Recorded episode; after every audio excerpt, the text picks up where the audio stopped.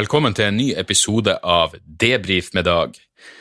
Her og nå så er det torsdags eh, formiddag, og eh, jeg fikk akkurat en mail fra Netflix om at jeg må huske på at deres nye serie Pandemic nå er tilgjengelig for streaming. Da slo det meg at wow, har de virkelig hatt tidenes beste skråstrek mest usmakelige markedsføringskampanje nå? Jeg mener, det er en dokumentarserie om pandemier som kommer akkurat mens det jævla koronaviruset herjer i Kina, og per nå er det vel 25 stykker som er, er døde. I så fall, kudos til Netflix for at de våger å gå nye veier når det kommer til promotering av, eh, av showene sine. Uansett, først og fremst, viktigere enn koronaviruset, viktigere enn eh, pandemier og eh, potensiell eksistensiell risiko, eh, billettene til mitt nye show, vrangforestilling, er nå ute på interweben. Eh, hvis du går på eh, hvis du går på hjemmesida til feelgoodistage.no eller min hjemmeside dagsoras.com, så finner du eh, høstens eh, Altså, du finner alle datoene for 2020. Eh, og så kommer det selvfølgelig Jeg har allerede begynt å få meldinger. Kommer du ikke til bla, bla, bla? Jo, mest sannsynlig til neste år. De billettene legges ut senere. Nå konsentrerer vi oss om, uh, om uh, høsten og vinteren 2020. Premiera er 11. september. 9-11 i, i Mo i Rana. Og grunnen til at jeg vil ha premiere i Mo i Rana, er at Mo i Rana bestandig hadde en varm plass i hjertet mitt. det har bestandig vært utsolgt når jeg har vært der. Fra, altså Første gangen jeg var i Mo i Rana, var eh, i 2012, tror jeg, med, med D-Dag Live, det var det første soloshowet mitt. Og Da husker jeg at vi hadde, vi hadde lyst til å stå på Nordland Teater. Uh, og de hadde null tro på at dette showet kom til å selge billetter i det hele tatt. Så det vi ble enige om, var at jeg, jeg ble ikke å få noe fast honorar, ingenting, uh, men jeg kunne få leie, ikke salen, men teaterkafeen, altså den kafeen som er ute i med det samme du kommer inn på teatret der. I fuckings foajeen av teatret. Uh, for de hadde ikke tro på at det ble å selge billetter. Og det er jo for så vidt fair enough. Endte opp med å selge ut to show der, og fy faen, altså. Manageren min bare fryda seg så jævlig når han ringte dem for å spørre så hvor mye er det vi skal fakturere. For uh, det beløpet var jævlig mye høyere enn det vi ville, vi ville fått eh, hvis vi hadde fått noe fasthonorar eller noe sånt. Eh, og så har jeg vært på Nordland Teater to ganger til etter det. Jeg var der med, med Kognitiv dissonans, og jeg var der med Ekkokammer. Og de har vært eh, ganske ufordragelige folk. Jeg husker andre gangen jeg kom der, så, så var det to show i, i denne hovedsalen deres. Um, og jeg husker det første som møtte meg når jeg, når jeg kom dit, var en, sur fyr som jobba der, som bare sa til meg at Fordi rideren min var veldig enkel på den turneen. Jeg tror jeg hadde seks korona. Det var det jeg hadde på rideren. Seks korona. Uh, og han sa til meg jeg hadde kjøpt inn noen nordlandspils til deg, men det var jo tydeligvis ikke bra nok, så jeg måtte ut igjen for å fikse korona. Er, sa, er det min fuckings feil at du ikke leser kontrakter før du går ut og kjøper inn det som står på rideren? Eh, hvorfor er det mitt jævla problem? Um, men jeg, jeg gjorde noe showene, og publikum var, var, nydelig, og så kom jeg tilbake igjen enda en gang eh, med ekkokammer. Og da hadde de gjort null promotering. Showene var utsolgt, men det var ikke en fuckings plakat å se noen plass. Og når jeg kom inn, så begynte de å klage på ja, vi har egentlig en teaterforestilling som går her, men vi måtte jo rydde unna alt det fordi du kommer hit. Og det er sånn, ja, unnskyld, unnskyld at jeg leide salen deres. Unnskyld at det er fullt hus igjen. Men så var det ingenting backstage. Da sa de at de hadde ikke fått rideren. Og jeg bare Det er jo et problem. Uh, for jeg trenger drikker som står på rideren. Så sier jeg er det mulig å bare Kan dere fikse noen pils? Kan du fikse noen pils ut i baren, da, eller? Nei, da måtte jeg kjøpe det. Da måtte jeg kjøpe fullprispils for å ha med på scenen til mitt eget jævla show. Da er det tredje gangen jeg er der, og alt har bestandig vært, det har bestandig vært fullt hus. Så hvorfor de, hvorfor de er så jævla cheap på Nordland Teater, det må gudene vite. Eh, men det er jo i høyeste grad deres problem. Eh, og på forrige turné, Demokrati, så var jeg på, på eh, Meiergården og gjorde to show der, og fuckings storkosa meg mer enn noen gang. Så derfor gjør jeg premiera mi på det nye showet mitt, Vrangforestilling. Meiergården, Spektrum, tror jeg de kaller det. Meg, det høres fancy ut. 11. september 2020 klokka 21, tror jeg. 21. Ja, showet tror jeg begynner klokka ni. Gleder meg som faen. Eh, folk i Mo i Rana har bestandig støtta opp om, det jeg har gjort, og da føles det helt 100% jævla riktig å ha premierer der. Og så etter det skal jeg videre. Jeg skal til Bodø, jeg skal til Tromsø. Jeg skal jo faen meg ta meg tida, når vi nå først er i promo, promomodus, til å si de plassene jeg kommer til til høsten. Og eh, og som sagt, hvis, hvis, hvis, hvor enn du bor ikke står på lista, så kommer jeg mest sannsynlig dit til neste år. Uh, det er Mo i Rana 11. september. Det er Bodø 18. september. Tromsø 19. september. Stjørdal det tror jeg faen meg er første gang. 25. september. Trondheim, åh, nydelige, nydelige Trondheim 26. september. Leknes, uh, Nord-Norges perle 2. oktober. Svolvær 3. oktober. Vadsø 23. oktober. Kirkenes 24. oktober. Kautokeino Fy faen, det her er wildcardet på denne turnélista. Maras pub i Kautokeino. Der står det bare 'billetter selges i døra'. Det kan faen meg bli eh, Det kan bli det siste jeg gjør, men det kan også bli, eh, bli jævlig gøy.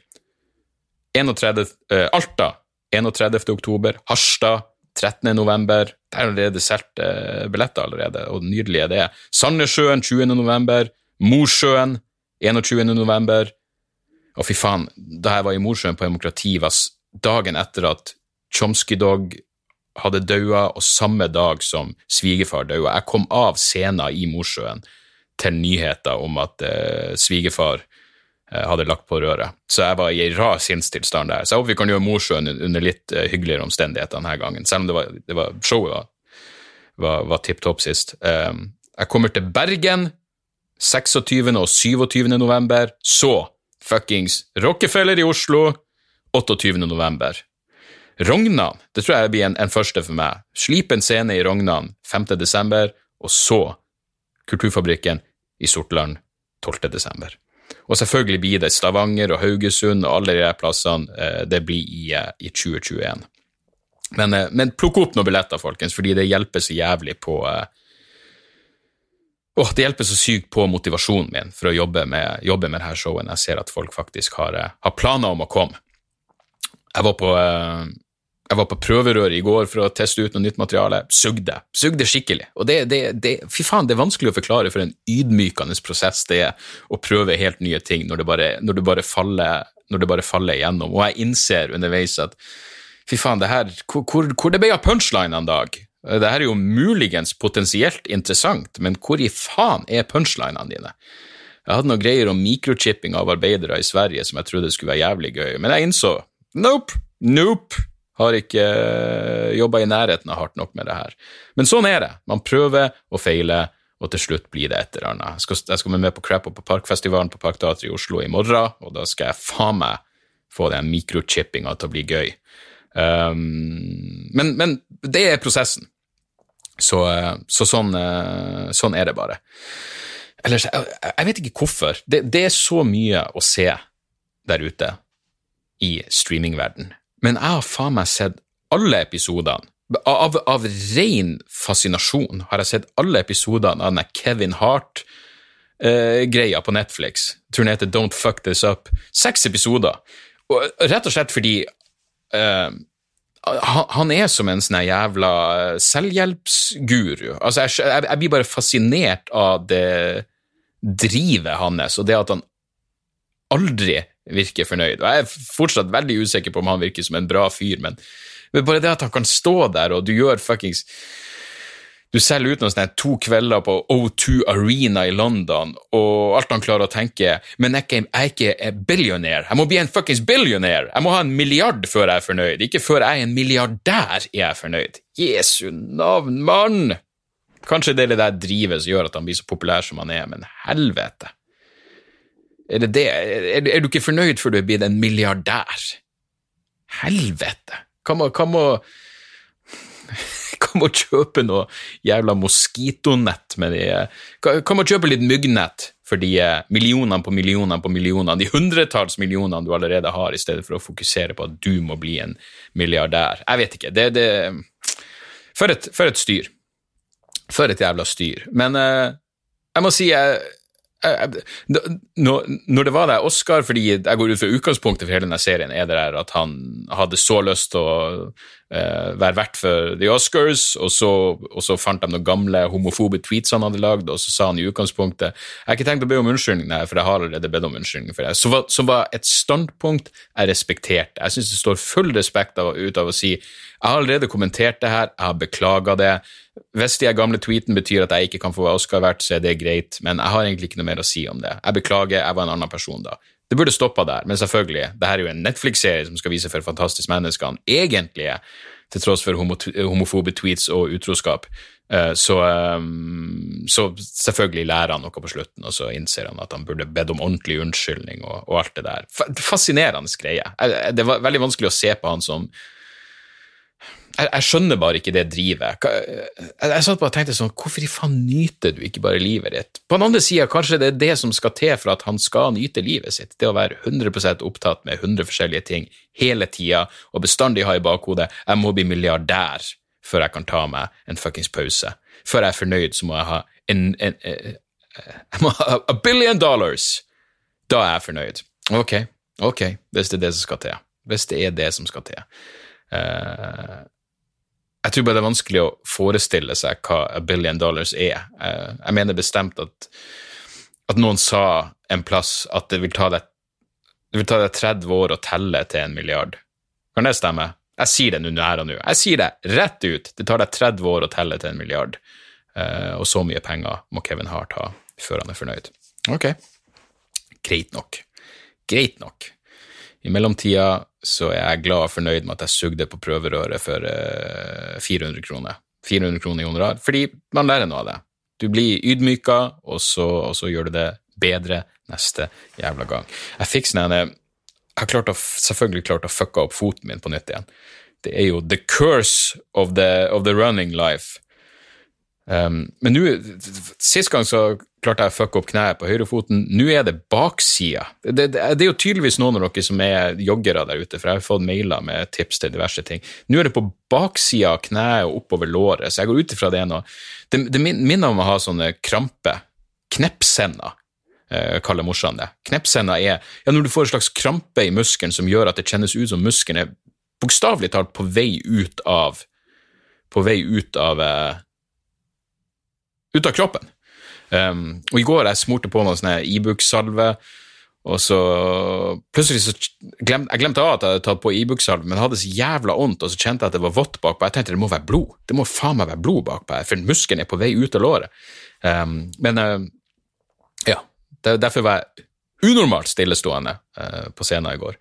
Uh, jeg merker også at det tror jeg med det der fordi når, når, jeg har show, så går jeg ganske mye rundt, men i, helt i startfasen av materialet, når du virkelig fuckings må tenke, så er det av og til lettere å bare stå rett opp og ned. Det er for mye for meg å gå mens jeg tenker, tydeligvis, i, i enkelte situasjoner. Så eh, takk for bra tilbakemeldinger på bonusepisoden, forresten. Eh, for et par dager siden så la jeg ut eh, bonusepisoden Speed Date med JTK, hvor eh, alle mentalinstitusjoners eh, favorittsønn, Jan Tor Kristoffersen, den morsomste fyren jeg kjenner. Uh, var på besøk. Uh, den, vi vi prata vel i tre kvarter. Det måtte kuttes ned til 20 minutter, fordi vi vet rett og slett ikke hvordan injurielovene i Norge fungerer. Og det var mye fyllerør, så vi bare måtte kutte. måtte kutte bort mye. Og selv om det høres ut Selv om vi hører at vi begge er i storhumør Jan Tore var jo på vei til Latter for å spille inn Latter live. Han gjorde en fortreffelig jobb. Naila det. Så det er bare å, eh, er bare å se, se, frem til det. Og vi hadde jo sittet for jeg var sånn Fuck, jeg har lyst til å Jeg aldri jeg er ikke den som gir tips, men la meg prøve å hjelpe deg med settlista. Så vi satte opp i settliste, og så jeg bare, når jeg sto og så på han, så tenkte jeg der gjør du den, så hoppa han over noe, og da ble jeg forbanna. Sånn, vi var jo enige om det her, men problemet er at han hadde jo fem, fem minutter uh, på scenen, så det, det, er ikke mye tid. Det er ikke mye tid til smalltalk, men uh, han gjorde en jævlig bra jobb, og, og han var jo on fire i denne episoden. Og uh, ja, det er synd ting måtte tas ut, men uh, sånn er det bare. Det var vel i bunn og grunn for, for alles beste. Ellers at jeg så på Jeg så omsider The, The Irishman.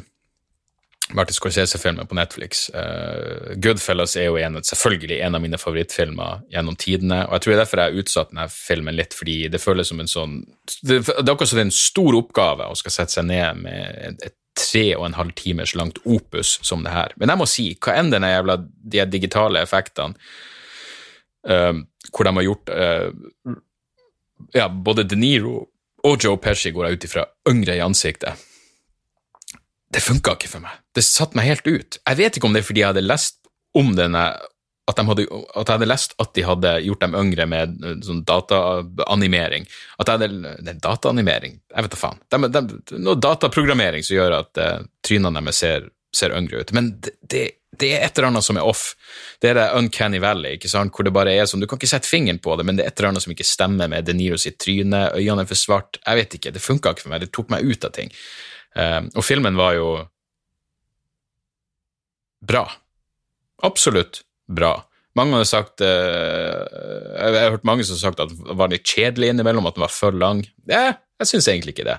Jeg syns den var Jeg syns den var en sterk firer, er vel det jeg ville gitt Irishman. Jeg kan selvfølgelig ikke måle seg med Goodfellas, men Og så ble det bare Det ble, det, det ble trist på slutten, og ikke trist på en negativ måte, men bare Ja, det var, det var nok Det var vel farvel fra ja, Joe Pesci gjorde vel Fy faen, Joe Pesci Jeg var så jævlig stor Joe Pesci-fan på 90-tallet. Uh, utelukkende på grunn, hans i, på grunn av rollen hans i Goodfellas, fordi jeg likte at han var en liten jævlig morsom storkjeft som også var helt nådeløst brutal. Det var bare et eller annet som appellerte veldig med hans karakter Goodfellas.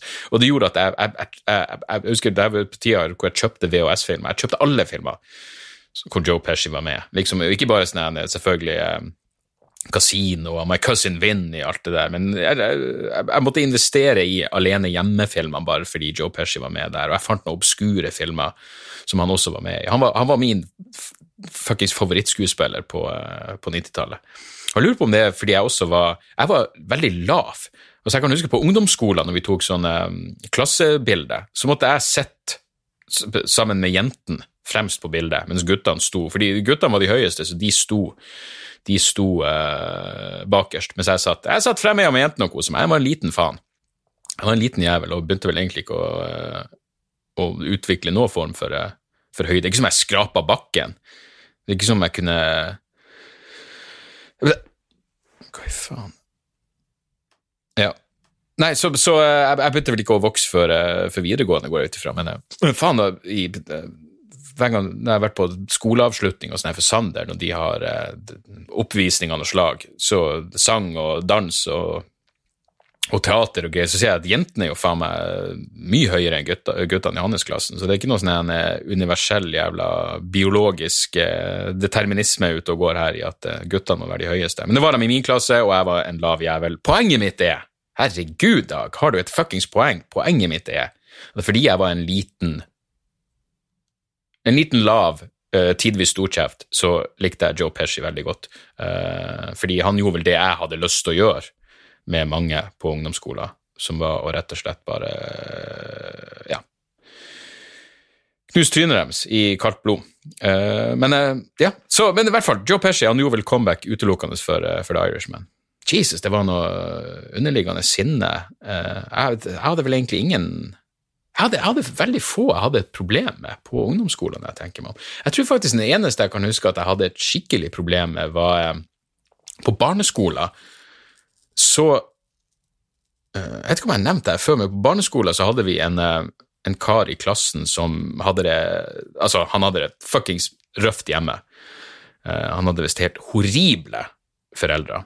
Og, og, og, drikking og mishandling. Han hadde, det, han hadde det ikke bra. Men jeg, jeg var Det som skjedde, var at plutselig så så oppdaga morsan at faen, jeg, plutselig hadde ikke jeg lyst til å gå på skolen. Plutselig var jeg dårlig på skolen og ukonsentrert. Jeg har bestandig vært en skoleflink faen. Men øh, nå plutselig så, så Jeg hadde ikke lyst til å dra på skolen, og jeg klarte ikke å konsentrere meg. Jeg leste dårlig, og jeg regna dårlig, alt det der. Morsan prøvde å, det, var, det gikk til og med så langt at de fikk inn en psykolog som fulgte meg i timene. Og det psykologen fant ut, var jo at jeg var livredd han jeg var plassert med siden av Han som hadde pulten sin rett ved siden av meg, var jo han som kom fra et uh, voldelig misbrukerhjem. Uh, og grunnen til at jeg da ble satt ut og ikke konsentrerte meg, var at jeg var fuckings livredd han. Så morsan spurte jo læreren, uh, Ulf, læreren min, hvorfor sitter Dag ved siden av han? Og da hadde læreren svart at jeg er så rolig, Dag er såpass rolig at vi tror at det kan roe ned uh, villmann i klassen. Uh, og det roer jo ikke ned han i det hele tatt. Han ga meg jo bare juling i friminuttene, fordi jeg var den, som, jeg var den nærmeste. Um, så det, det funka ikke, ikke, i det hele tatt. Hva var poenget mitt med noe av det her? Jo, poenget mitt var at han var den eneste jeg har hatt et seriøst problem med i, uh, i min skoletid. Uh, hadde det ganske greit på ungdomsskolen, tror jeg. Cheapeste delen av, uh, av barndom slash ungdomstida mi var jo videregående. Det var der jeg ble en, en miserabel faen.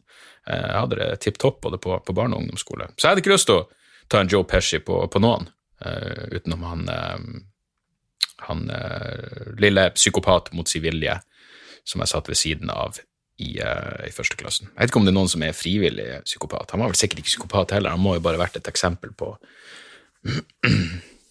Ja. Ja, folk får ikke like sjanser her i livet. Det, det problemet med sånn en eh, Hva heter det? Meriotakra... Meriot... merio... Merio...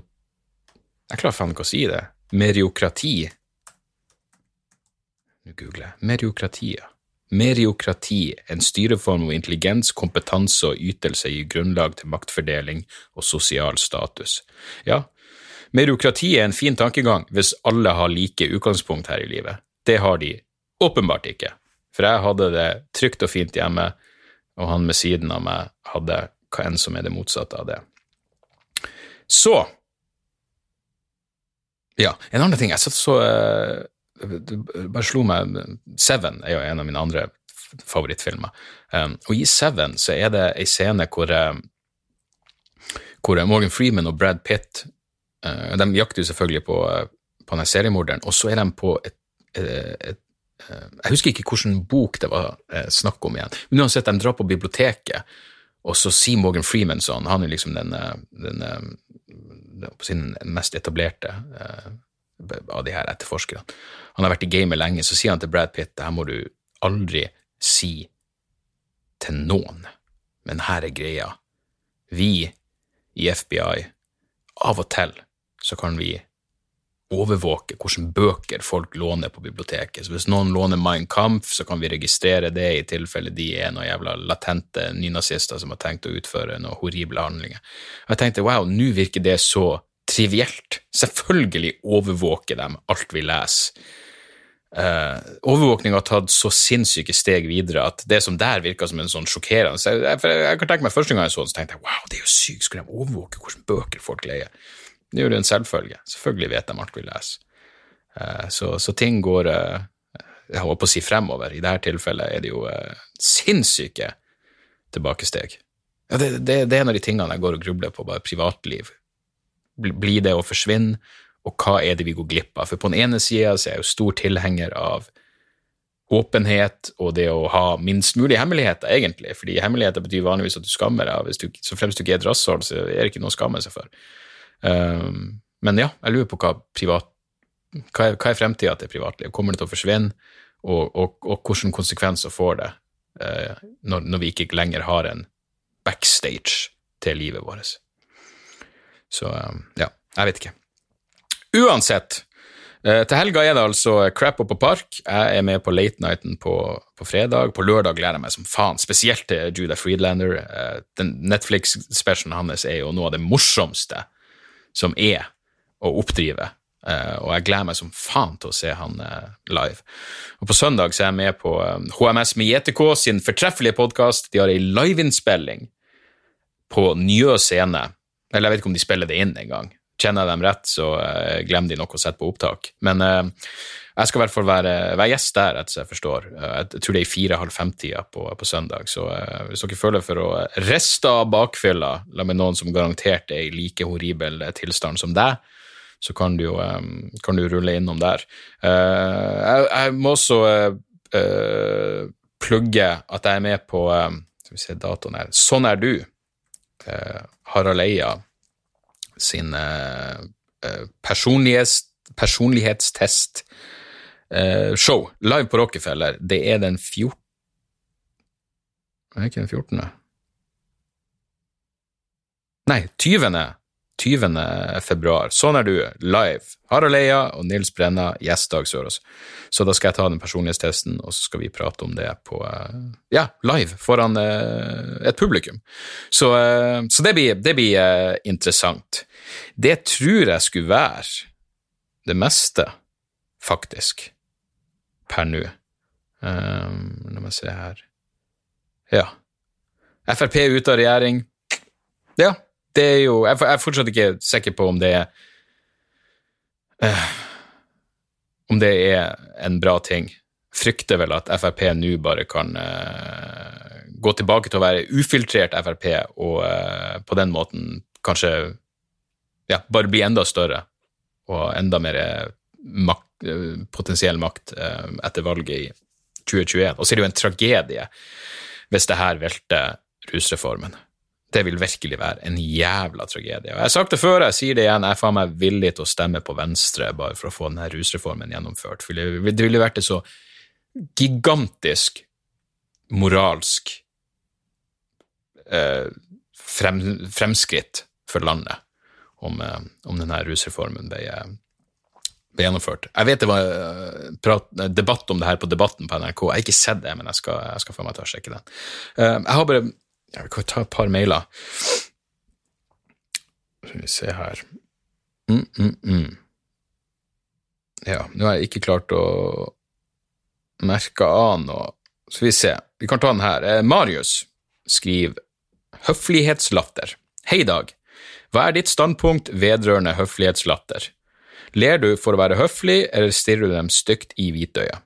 Stå på! Med vennlig hilsen Marius. Vel, her er greia, Marius. Jeg er en uh, Jeg er en høflig person, men jeg tror ikke jeg er i stand til høflighetslatter. Jeg høflighetssmiler nok. Um, jeg, har, jeg har, faktisk en vits om det her, at uh, hvor jævlig jeg syns det er når komikere skal teste vitser på meg. Liksom, Hva du tror om det her? For Hvis jeg ikke syns det er morsomt, så er jeg Ja. Jeg, jeg syns det er kleint som faen. Så jeg stirrer dem på ingen måte stygt i hvitøyet. Altså, hvis noen Altså, Hvis noen bare prøver å være morsom, og jeg ikke syns det er morsomt, så ja, da kan jeg smile. Da er jeg høflig. Eh, hvis noen eh, Jeg vet ikke hva skulle være eksempelet? Hvis noen bare prøver å fordekke ei eller annen horribel mening jeg er uenig med, i noe sånn kvasimorsomt. Hvis du kommer og skal 'Jeg skal fortelle en negervits', da er det ikke et høflighetssmil her engang. Da stirrer jeg deg stygt i hvithøyet. Men i de fleste andre tilfeller så um,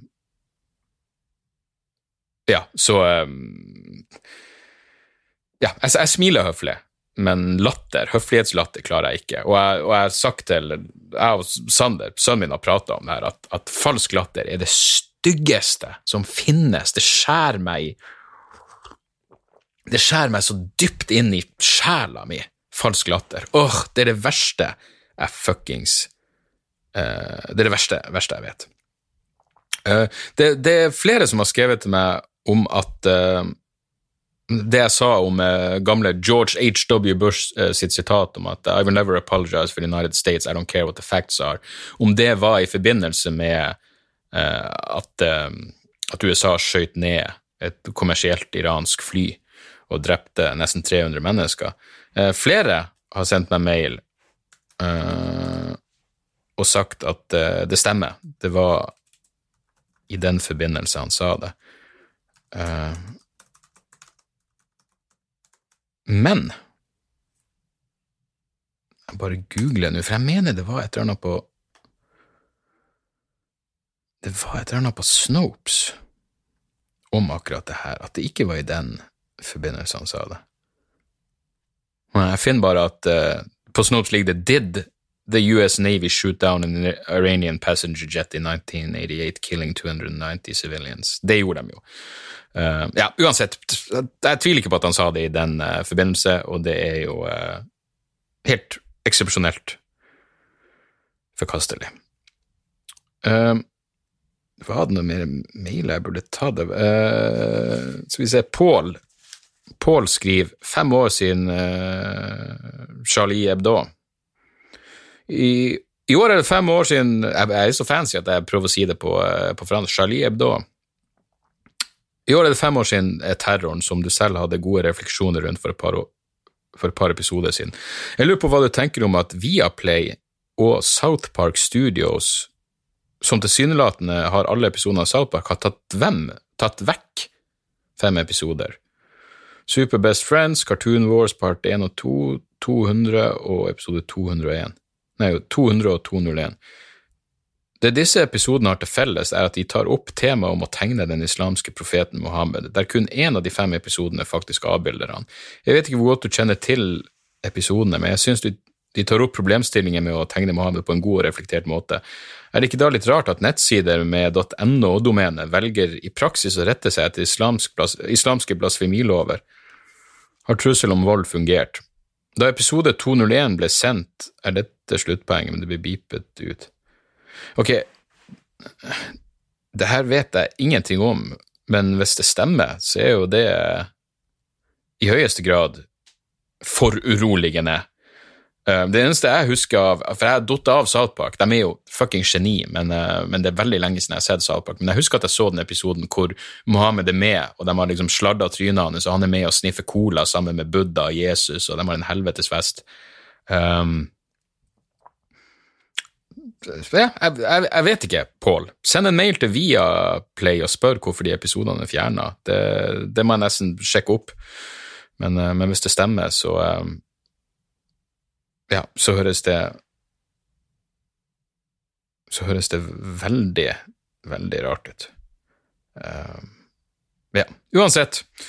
Uh, jeg tror ikke det var noe mer Jeg er bare litt forvirra, fordi jeg, jeg fikk et par mailer til podkasten, men de, var sendt til min vanlige e-mailadresse, og de klarer jeg ikke å, å finne akkurat nå. Hvis, hvis, dere har noen innspill eller spørsmål til podkasten, så bruk debrifpodkast.gmail.com. Podkast med C, selvfølgelig.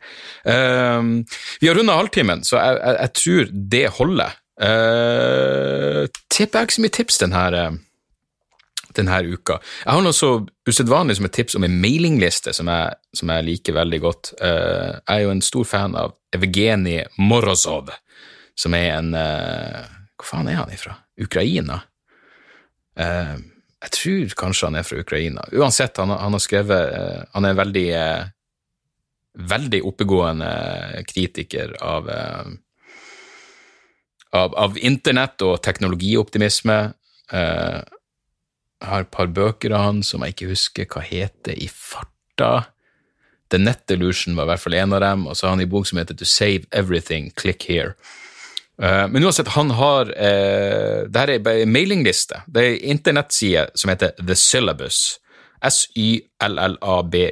Og de har ei mailingliste, uh, så én gang i uka får du mailer med tips til artikler, uh, podkaster, videoklipp Altså, det er det er jævlig bra greier. Altså, og så er de delt inn. Det er liksom åtte greier hver gang. Den ene, den ene, så det er liksom det, er åtte PDF-er med tips hver uke. Og en av dem heter The Intellectual, The Progressive, The Machinist, The Academic, uh, Journalism, Podcasts, videos. Og så, uh, er det bare ja, stort sett sånn teknologirelaterte uh, ting, da. Men hvis dere, hvis dere ja, deler min fascinasjon med både de, de, positive og de skremmende sidene med moderne teknologi, så kan det anbefales å sette seg opp på, på mailinglista til The Syllabus. Uh, utenom det så må jeg selvfølgelig tipse om uh, Torgeir Valdemar sin nye skive Love. Uh, jeg driver fortsatt og setter meg inn i den. Den er mer eksperimentell enn jeg hadde, enn hadde forventa, men, uh, men, alt han gjør, er jo kvalitet, og, og det skader heller ikke at godeste Torgeir er en særdeles hyggelig mann.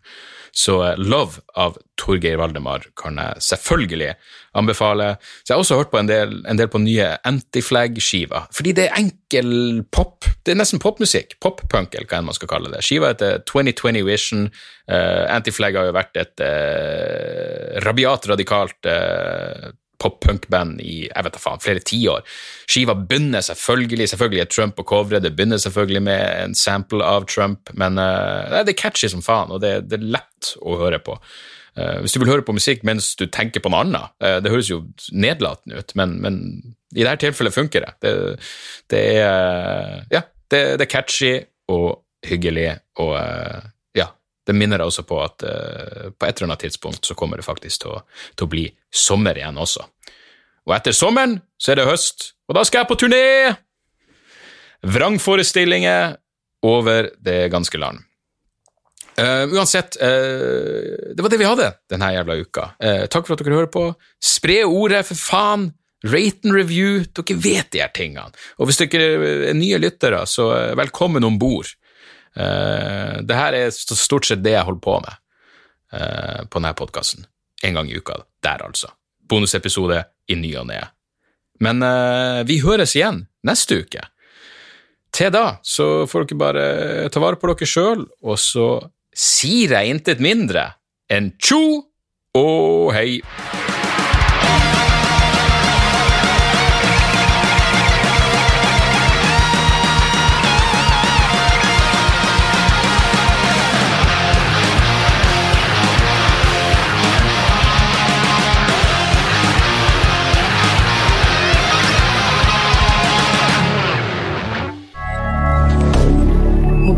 Media. Da er det reklametid, og ukens annonsør er fiken. Hør her, jeg, jeg, jeg avskyr ordet regnskap. Eh, gir meg assosiasjoner som er uhyggelige. Det får meg til å tenke på andre uhyggelige ord som ettersyn og underlivsundersøkelse. Men regnskap er et nødvendig onde, og fiken er et så enkelt regnskapsprogram at selv jeg kan klare å ha kontroll på finansene hvis jeg bruker det. Eh, du kan registrere kjøpene dine bare med å ta et bilde av kvitteringa med appen, og så kan du bare hive, hive kvitteringen. Hvor nydelig kan det bli? Og Fiken forholder seg også til regnskap med overkommelige ord. Det er ikke masse overkomplisert økonomisk terminologi. De kaller det kjøp og salg i stedet for hva enn de kaller det på BI. Og du kan, eh, du kan få fiken til å sende purringen dine, sånn at du slipper å gjøre det sjøl. Slipper du de flaue øyeblikkene hvor du må skrive 'unnskyld meg, men det står noe utestående her, kan du fikse det fortest mulig', må jeg sende, må sende mafiaen etter deg? Nei, fiken fikser det, så kan du skylde på algoritmene. Du slipper dårlig stemning. Jeg syns det er utrolig greit å slippe å styre med sånne ting sjøl, og nå kan du prøve fiken gratis i 30 dager. Hva, hva har du å tape? Bokstavelig talt ingen verdens ting. Så gå inn på fiken.no og prøv fiken gratis i 30 dager. Ok? Det var det så vanskelig.